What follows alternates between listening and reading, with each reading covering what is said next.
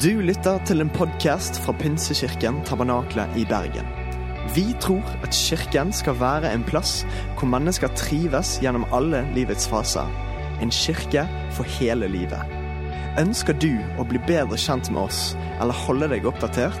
Besøk vår Facebook-side eller ptb.no. Her er ukens tale. Dere, det her er et favorittema. Eh, Det å være kaldt. Eh, Jeg har ikke alltid forstått det ordet 'kaldt', jeg heller. Ikke fordi at jeg trodde det hadde med at det var eh, fysisk kjølig, men fordi det er et uttrykk vi mange ganger har hørt, men kanskje ikke helt har skjønt dybden av eller rekkevidden av betydningen av dette flotte ordet. Da jeg var tenåring, så var det alltid stor fokus på endetiden i eh, møter. Og når endetidspredikanter kom til menigheten og talte på en slik måte at eh, jeg som satt der, jeg lurte på Jeg var nesten litt deprimert. For jeg tenkte Gud, du kan ikke komme enda. Jeg har jo ikke blitt, fått kjæreste enda. Jeg har jo ikke blitt gift. Ikke, det er så mye jeg ikke har fått gjort enda. Eh, Så Gud, liksom kan du ikke vente litt? Og, og liksom tenkte Vil jeg noen gang få gjøre noe eh, framover? I dag så har jeg tre voksne barn. Eh, de er nok ikke gift enda. De er single alle sammen. Men det er ganske lenge siden jeg hadde denne tanken.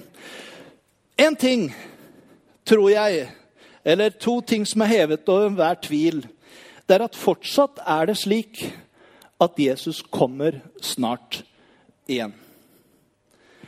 Og at vi er frelst av grunner som favner mye videre enn vår egen evige sikkerhet. Det handler ikke bare om at jeg skal bli frelst og nå innafor, og så liksom si 'nå kan du komme, Herre, når du vil'. Men jeg tror at når Gud har kalt frelst oss, så har han også en oppgave for oss mens vi er her. Og jeg tror kall handler noe om akkurat dette. Det fins ingen større glede enn å se mennesker overgi sine liv til Kristus. Og Jesus han døde på korset og sto opp igjen for å gi menneskeheten mulighet til å bli frelst. Frelst, ja. Det er også et sånt eh, akkurat som kalt et litt merkelig ord. Hva betyr det å være frelst? Eh, I dag så sier vi at man er fotballfrelst, og man er pizzafrelst, og man er, eh, ja, man er frelst på ganske mye. Så hva betyr nå dette ordet frelst? Hvor kommer det egentlig fra? Jeg har et bilde her som jeg syns er litt fint, da, som kan kanskje hjelpe oss litt. Eh, som handler om å bli reddet ifra en situasjon. Her er det en som blir reddet ifra å drukne og roper om hjelp. Og da er det jammen godt at vi har noen som kan være der ute, som kan kaste en livbøye, som kan stupe etter, som kan svømme eller rekke ut en hånd og redde personen ut fra fare. Det har også med frelse å gjøre. Frelse fra drukning, frelse fra Men ordet 'frelst', egentlig fra eh, norrøn tid i Norge. For jo, man bruker jo 'saved' på engelsk og 'salvo' på spansk, som egentlig betyr å redde eller fri ut fra. Men hvor kommer dette ordet 'frelst' på norsk? Og Jeg måtte finne ut litt av det. Syns egentlig det var kjempeinteressant. For det handler egentlig om å bli frihalset. Ja. Og hva betyr det for noe, da?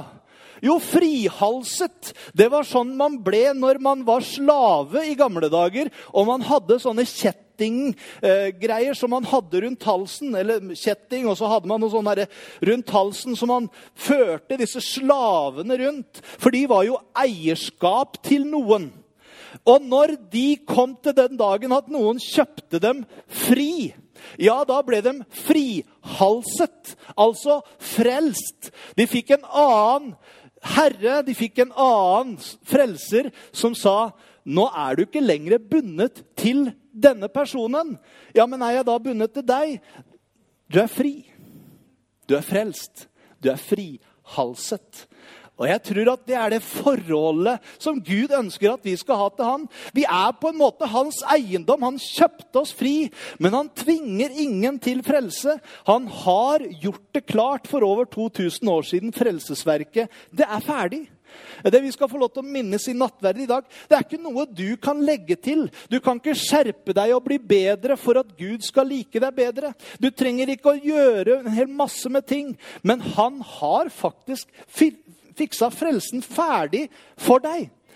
Det er fullbrakt, sa han. Det er ferdig. Og det kan vi få lov til å ta imot. Du kan bli frihalset. Jeg syns det var et veldig fint uttrykk. Så visste du ikke det, så vet du det nå. Det kommer derfra. Frels. Hvis du slår opp det, så vil du si opprinnelig betegnelse for fri mann, i motsetning til slave, som hadde slavering om halsen. Eller trellring, står det vel kanskje, hvis du leter det opp.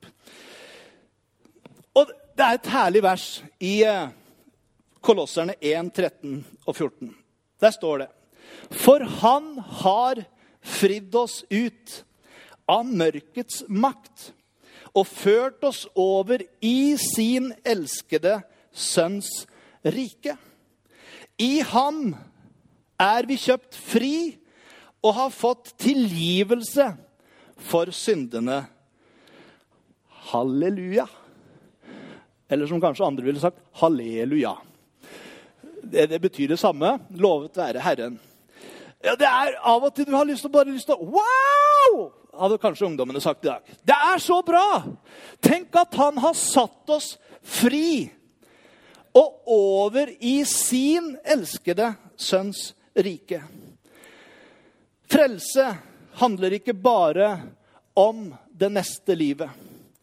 Millioner av kristne, av Kristi etterfølgere, har opplevd frelsens glede. Men jeg har et viktig spørsmål til deg og meg i formiddag.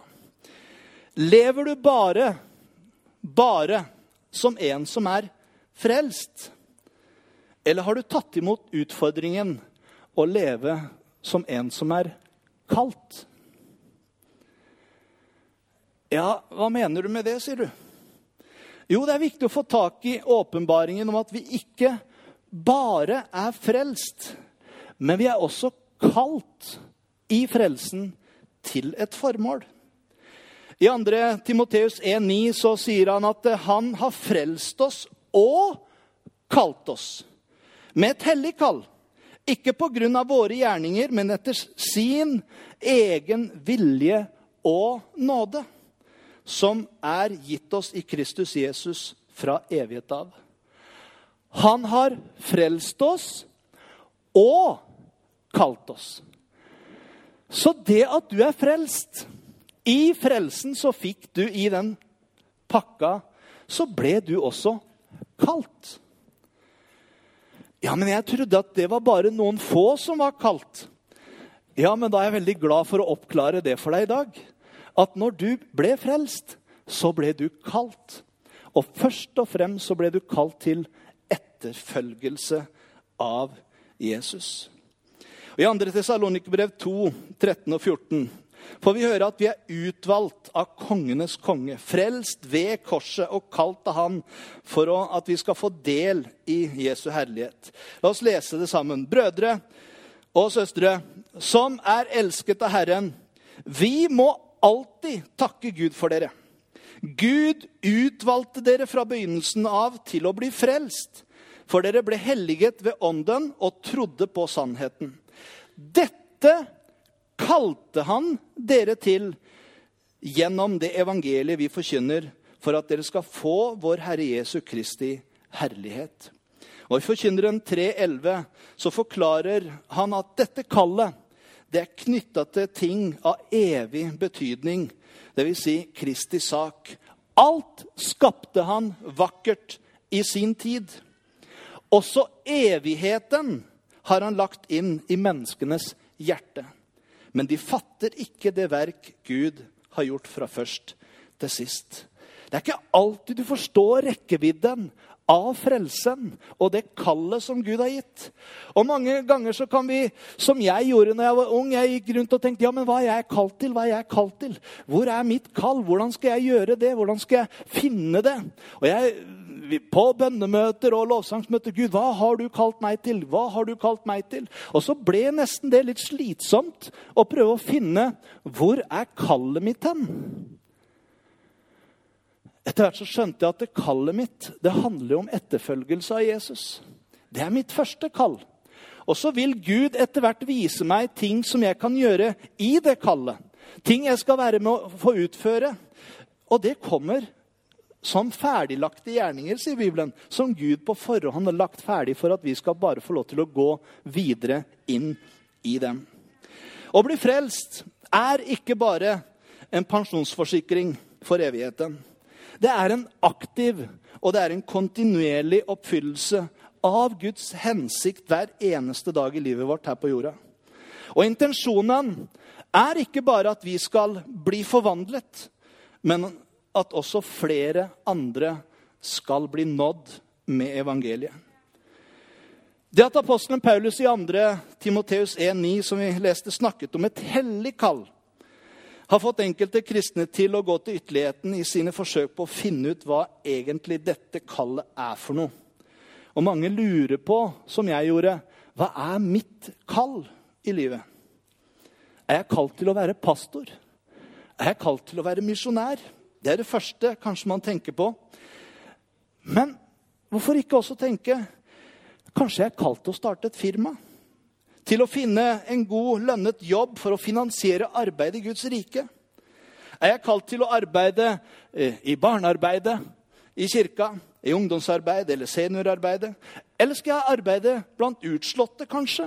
Kanskje blant ensomme? Eller andre målgrupper? Skal jeg leve ut kallet mitt i et annet land, tro? Alle disse tingene tenker jeg at vi trenger ikke å sitte og vente på. Men etter hvert som du går med Gud i ditt liv med Han, så åpner Han veier for deg.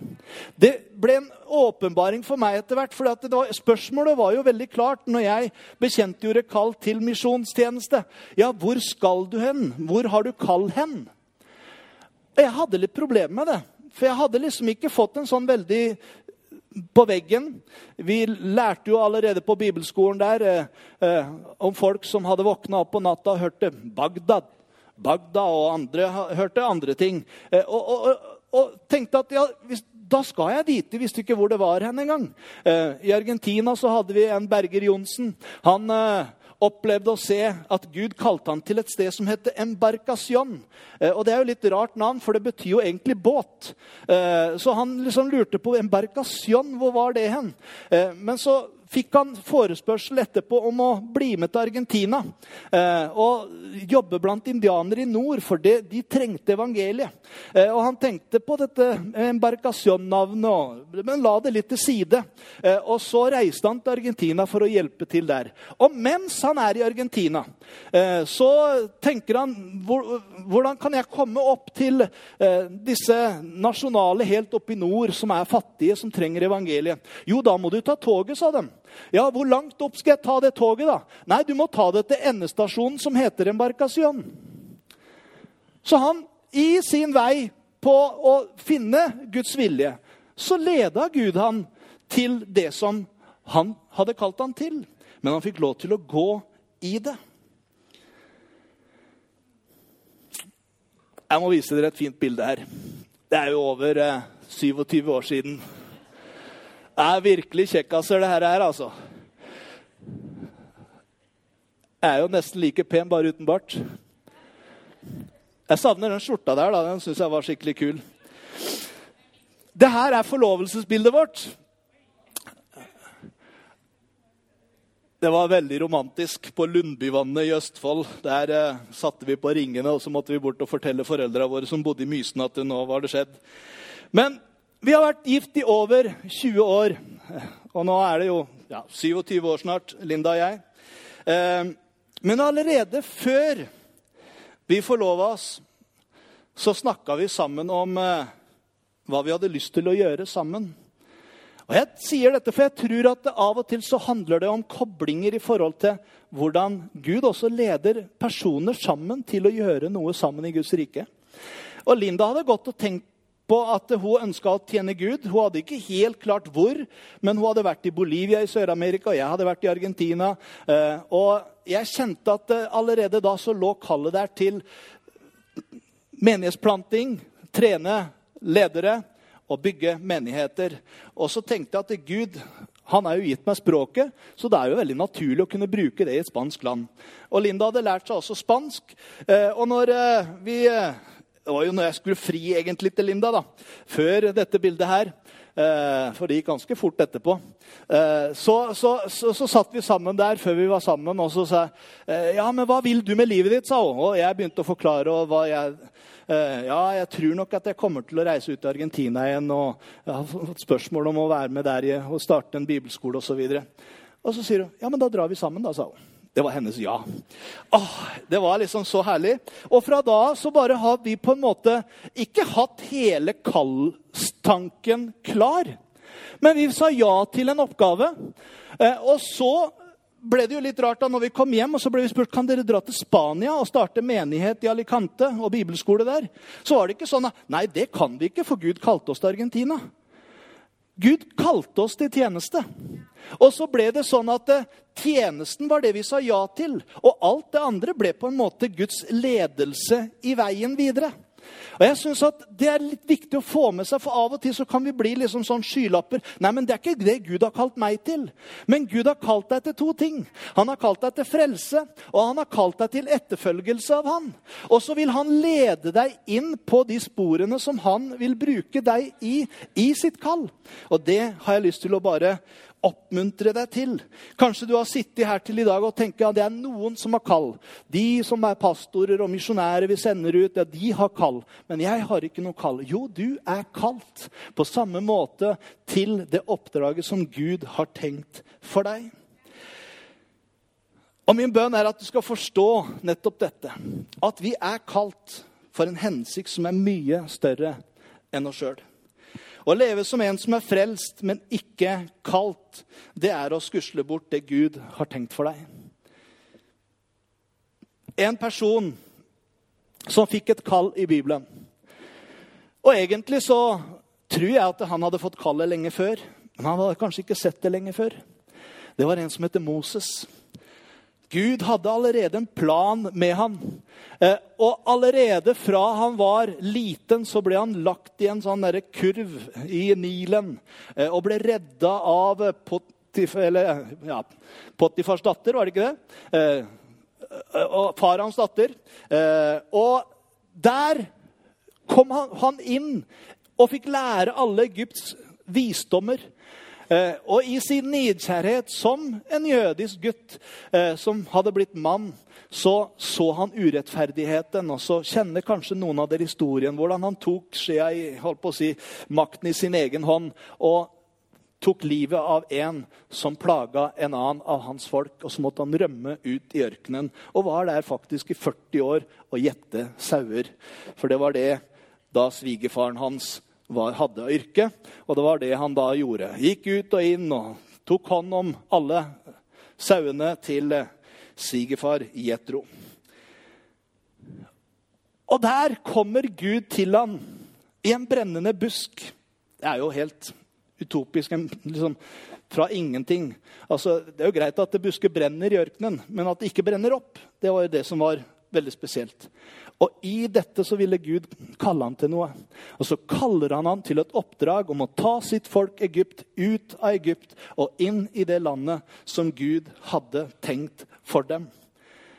Og Man skulle jo tenke at en sånn mann som Moses, som hadde all den bagasjen han hadde av kunnskap og visdom og erfaring, skulle sagt ja, jeg har bare sittet og venta på dette, Gud. Det her, er jo bare helt riktig. Det er klart du har sett meg. Men han hadde vært igjennom så mye i livet sitt allerede. Så han ble redd og sier, Gud, jeg duger ikke til å tale. Jeg kan ikke. Jeg, jeg, jeg får det ikke til. Jeg er treig til å tale, er det egentlig oversatt. Eh, og, flere ganger som Gud kommer til ham og sier, 'Jeg har et ønske for deg.' 'Dette vil jeg at du skal gjøre.' Det er det jeg har skapt deg til. Det er det jeg på en måte har gitt all kunnskapen til for at du skal kunne gjøre. Så ender han opp med at han må ta med seg sin bror Aron, så skulle han tale for han. Men det som Gud sier til Moses, elsker jeg. Han spør han et enkelt spørsmål. Hva har du i hånda di? Hva har du i hånden din? Og for Moses' del, som da var hyrde, så var det en hyrdestav. Det er det jeg har i hånda mi. Ja, men det kan jeg bruke, sier Gud. Og så bruker han denne og gir han noen eksempler. Hvis du kaster han ned, så kommer det til å skje. og gjør det. Jeg tror ikke liksom, kallet lå i den staven, men den staven ble på en måte et synlig bevis for Moses at Gud, han er med meg. Jeg går ikke alene. Hvis han har kalt meg til et oppdrag, så har han også gitt meg de ressursene jeg trenger til å oppfylle det oppdraget. Og nå vet både du og jeg at oppdraget ble ikke bare løst med en stav, men den staven ble på en måte hans støtte for at Gud er med. Gud er for meg. Han har en plan, og han vil ikke forlate meg inn i den oppgaven som han har kalt meg til.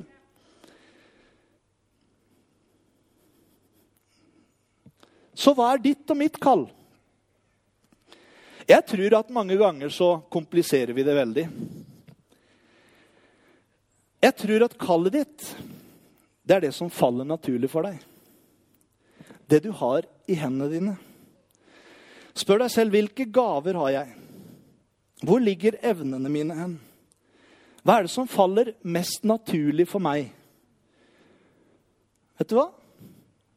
Der tror jeg du har kallet ditt. Fordi Gud har skapt deg med de gaver og de evnene som du har. Og jeg tenker Gud skulle jo ikke være liksom så Går det an å bruke schizofren?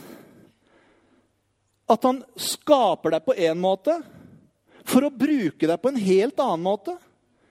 Nei, han har jo skapt deg på denne måten fordi du skal få lov til, med det livet du har, med de gavene du har og de evnene du har, til å tjene Gud på den måten. Hva har du i hendene dine? Da jeg var barn, så drømte jeg om å bli fotballspiller. Det er jo ikke rart, Jeg vokste jo opp med Maradona og alle disse her. Etter hvert som eh, eh, tennisspillerne liksom kom opp i Argentina, for jeg vokste jo opp der, så hadde jeg lyst til å bli tennisspiller. Når jeg kom til Norge etterpå, så elska jeg å sitte på kveldene og tegne. Tegna rom og in interiør og forskjellig. Og jeg tenkte jeg må jo bli arkitekt. Det her har jeg jo virkelig sansen for. Eh, så, men innerst inne, så på en måte fra jeg var liten så var jeg der med gitaren. Jeg var ute blant folk, jeg snakka med folk. Jeg, fra jeg var liten og jeg var 11 år gammel, så hadde jeg masa på pappa i et helt år. Kan ikke jeg få lov til å bli døpt? Ja, men vet du hva det er for noe, da, gutten min? sa han. Ja, sa han, sa jeg til ham. Det vet jeg. Men vet du det, sa jeg. Han var jo både misjonær og pastor, eh, og han burde jo vite det. Ja, sa han, det vet jeg. Ja, fortell meg det, da, sa han. Jo, du må jo tro på Jesus Kristus, at han er eh, død for dine synder, og at, han, at du har tatt imot han som frelser ditt. Ja, men det har jeg gjort, pappa, sa jeg. Eh, ja, og da må du la deg døpe. Ja, men det er jo det jeg vil, jo. Det er jo det jeg masa om et år. Ja, da hadde han ikke så veldig mange argumenter enn og neste dåpshandling fikk jeg lov til å bli døpt. Det sier ikke at jeg i tenåra ikke hadde utfordringer og vanskeligheter osv. Men fra jeg var ganske liten, så lå det i meg noe. En lyst til å få lov til å dele med andre det som jeg hadde hørt. Det var min gave, det var mitt kall. Eh, det var det jeg på en måte lå naturlig for meg, og som jeg naturlig hadde blitt ført inn i. Der lå kallet mitt, der lå gavene. Og så er det ikke sånn at fordi at man har vokst opp i det, så er det nødvendigvis det alltid man skal gjøre. Men jeg tror at i de gavene som Gud gir, det som er naturlig, der finner vi ofte hans kall. Og kallet ditt det inkluderer utrustningen din, talentene dine, det du er flink til. Er du flink til kunst? Kanskje keramikk, teknologi, kommunikasjon. Noen er flinke i dans. Så er dette evner som Gud har gitt deg for å bygge Guds rike. Og her har du en del forskjellige mennesker. Vi hadde ikke avtalt det med Ida, så jeg syns det var så kult når liksom barnegreiene kom opp med forskjellige yrker der. Altså, Dette er forskjellige yrker, forskjellige gaver, tjenester. Men hver av dem kan oppleve at det Gud har kalt dem til, det får de lov til å stå i Viktig at vi tenker på kall og hensikt på denne måten. For mange ser på det de har i hendene, som et hinder for å gjøre det Gud vil de skal gjøre. Fordi de ikke forstår at det er faktisk Gud som har lagt det der. For at de kan kunne bruke de evnene, de gavene, inn i Guds rike. Menneskene har det av og til med å undervurdere Guds hensikt. Men alt handler om å forherlige Gud og gi Han ære. I Kolosserne 1, 17 så står det 'Han er før alt', og i ham blir alt holdt sammen. I ham blir alt holdt sammen. Den du er, helsen din, gavene dine, tiden din, kreftene dine, ekteskapet ditt, familien din. Han holder det sammen. Livet ditt handler om Gud og hans planer. Og Gud ønsker å fullbyrde det som Gud har lagt i hjertet ditt, så er den beste måten å være trofast mot det han har lagt i hendene på deg, er å faktisk bruke det til hans ære. I Jakob 1, 17 så står det at all god gave, all fullkommen gave, den kommer ovenifra. Fra Han som er himmellysenes far. Og hos Han er det ingen forandring eller skiftende skygge. Han ombestemmer seg med andre ord ikke. Han har ikke skapt deg på én måte for å bruke deg på en annen måte. Men han har en hensikt, han har en gave for deg. Så min utfordring mot slutten her er at bruk det som Gud har gitt deg. Lev for noe som er større enn deg selv. Ikke tenk at ja, men nå er jeg frelst, nå får jeg sitte og vente på at Herren kommer. Men bruk de gavene han har gitt deg. Fordi det er mange flere som trenger å få, lov til å forstå at Gud elsker dem. At han ga livet sitt for dem. Han som ikke vil at noen skal gå fortapt, står det, men at alle skal bli frelst. Da er det en oppgave for oss alle i alle de forskjellige settingene som Gud har satt oss i. Når Kristin forteller fra sin jobb på bønnemøtet om hvordan de får lov til å være med eh, og, dele evangeliet nært fordi det, det, er ting og situasjoner som kommer, og fordi hun lever som et lys på jobben sin, så får de lov til å gjøre det. En Rebekka fortalte på led om hvordan de starter hver dag på kontoret med bønnemøter. Eh, altså, eller har bønnesamlinger i kommunen. Altså, hva er det for noe? Jo, det er å bruke de gavene, de lysene, de evnene Gud har gitt oss, den jobben Gud har gitt oss, til å være misjonærer der hvor Gud har satt oss. I den settingen Gud har satt oss, så kan vi få lov til å utøve vårt kall og vår oppgave i det som Gud har gitt oss. Lukas 16, 10. Den som er trofast i smått, er trofast i stort. Det kan godt være at Gud har kalt deg til en global tjeneste. Men er du trofast i det som kan virke smått, så vil du se at Gud vil også sette deg over større ting. Den som er trofast i det lille, han blir også trofast i de større oppgavene som kommer på etter hvert. Og Jeg har lyst til å oppmuntre deg i menigheten her også. Vær med. Er det snakk om å rydde stoler, ja, så rydder vi stoler. Er det snakk om å gjøre en tjeneste, så gjør vi tjeneste. Er det snakk om å eh, besøke noen som trenger besøk, så gjør vi det. Altså, Vi er trofaste i det lille. I de gavene og de settingene som Gud har gitt oss. Og etter hvert som vi er trofaste i det, så setter Gud oss stadig over større ansvar. Hva har du i hendene dine? Er det en musikalsk gave? Er det kanskje sans for tall? Eller kanskje bygg? Kanskje det er et forretningstalent? Kanskje du har gjestfrihetens gave? Jeg vet om en del som har det her. Evnen til å lytte, til å trøste. Kanskje du skulle være med i en samtaletjeneste? Kommunikasjonstalent. Det kan være noen av disse eller mange, mange andre. Og vi trenger å se hva Gud har gitt oss i hendene våre. Se potensialet i det Gud har gitt deg, og hvordan det kan gi deg mulighet til i mye større grad å oppfylle det som Gud har lagt i ditt hjerte. Du er både frelst og kalt. Han har frelst deg, men han har frelst deg med en hensikt i livet ditt. Herre, jeg takker deg for at du er her. Jeg takker deg for din storhet og din godhet.